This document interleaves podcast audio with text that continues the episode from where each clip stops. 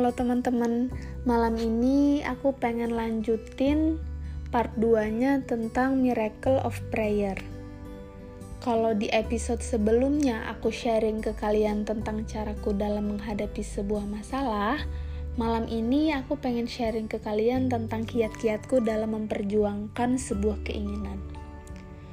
Jadi aku pengen cerita waktu aku selesai sidang akhir, aku punya sebuah keinginan besar untuk dapat bekerja di sebuah perusahaan yang cukup terkenal di daerah tempat tinggalku. Perusahaan itu merupakan sebuah perusahaan yang mungkin bisa dikatakan sebuah perusahaan yang banyak diimpikan oleh kalangan muda terutamanya. Waktu aku kuliah, aku pernah mendengar sebuah ceramah yang isinya katanya, jika kamu menginginkan sesuatu, Perbanyaklah sholawat untuk sesuatu yang kamu ingin capai.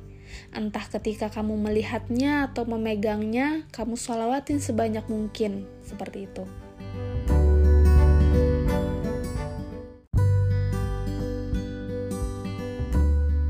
Nah, di kala itu aku mencoba untuk memasang logo perusahaan itu di wallpaper HP karena aku pikir aku sangat intens main HP, makanya aku bisa lebih banyak mensalawatinya setiap aku membuka HP-ku. Sampai-sampai waktu HP-ku nyala dan temanku melihat wallpaperku, aku sampai ditanya sama dia, "Kamu kerja di situ ya?"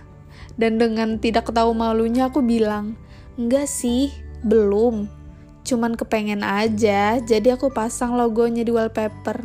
Walaupun aku nggak bilang saat itu bahwa itu adalah caraku untuk mensolawati keinginanku untuk bisa bekerja di perusahaan itu. Terus, seperti apa yang kuceritakan kemarin ke teman-teman, pada saat aku punya keinginan, aku juga mendoakannya di sujud terakhirku. Aku minta sama Allah, ya Allah, aku pengen banget kerja di situ. Bantu aku agar bisa diterima kerja di situ, seperti itu.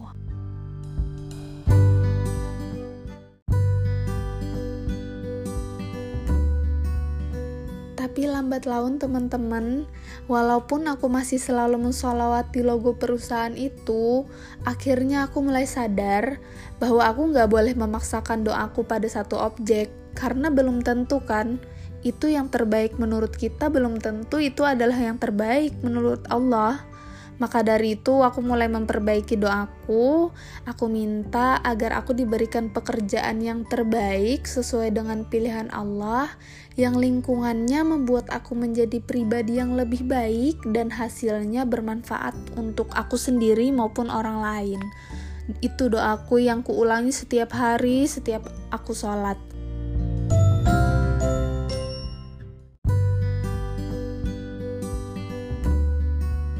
Jadi, waktu aku mulai mengajukan lamaran kerja, selain melamar ke perusahaan yang sangat kuinginkan itu, aku juga dikasih saran dan bantuan oleh temanku untuk mengajukan lamaran di beberapa perusahaan lain. Saat itu, aku dikasih beberapa email dan aku mengajukan lamaran ke semua perusahaan yang direkomendasikan oleh temanku itu, teman-teman. Dan qadarullah, pada saat aku terakhir mengirimkan lamaran kerja, saat itu jam 5 sore, pada malam harinya aku langsung mendapatkan feedback dari salah satu perusahaan yang aku lamar dan besok paginya langsung disuruh ke kantor untuk interview. Aku bingung teman-teman. Di saat itu aku nggak tahu lokasi kantornya di mana karena aku hanya mengajukan lamaran via email yang direkomendasikan temanku itu tanpa tahu latar belakang perusahaan itu. Akhirnya aku memberanikan diri untuk nanya nih alamat kantornya dan alhamdulillah HR-nya baik banget dan aku dikasih alamat kantornya.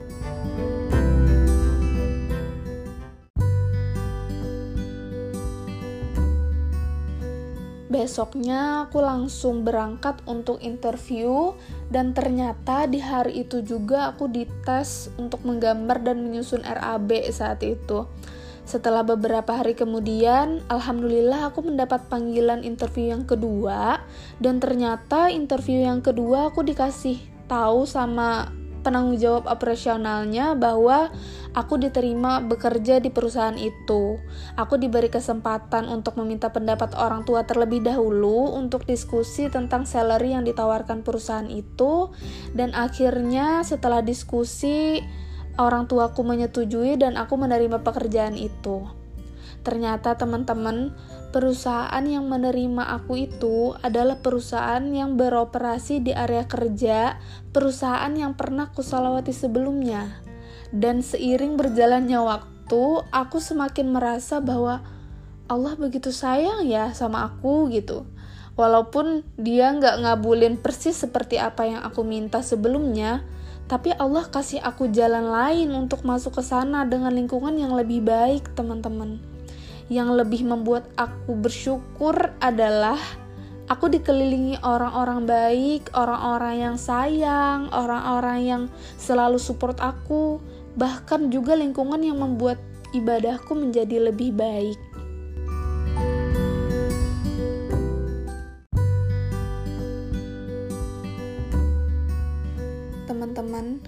Semakin aku mengingat alur cerita itu, rasanya semakin bertambah-tambah rasa syukurku terhadap apa yang sudah keperoleh hingga saat ini. Dan aku jadi semakin yakin bahwa Allah benar-benar gak pernah mengecewakan aku gitu ketika aku banyak meminta.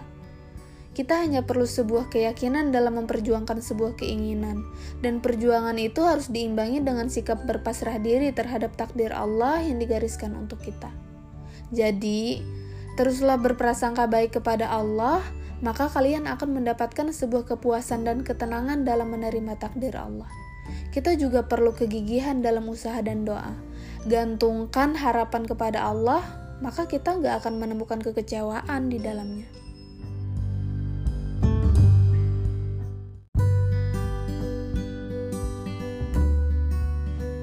Teman-teman, kita hanya perlu prasangka baik kepada Allah bahwa Allah punya rencana yang jauh lebih baik daripada apa yang kita rencanakan gitu. Allah pasti kasih sesuatu yang terbaik untuk kita dan yang pastinya lebih indah. Walaupun hal itu mungkin baru bisa kita sadari setelah lambat laun kita menikmati proses itu gitu. Mungkin Allah nggak ngasih kita sesuatu yang persis seperti apa yang kita minta, tapi Allah pasti kasih jalan lain, kasih alternatif lain gimana caranya kita bisa mendapatkan lebih dari apa yang kita bayangkan sebelumnya gitu. Karena kita sendiri nggak tahu apakah keinginan kita itu adalah yang terbaik untuk kita. Allah yang lebih tahu. Maka dari itu kita harus menggantungkan harapan itu kepada Allah.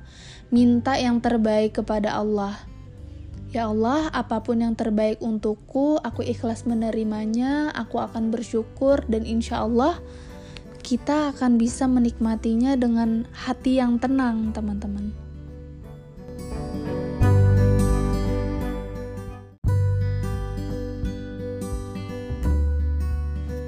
Teman-teman, terima kasih untuk yang sudah mendengarkan ceritaku malam ini.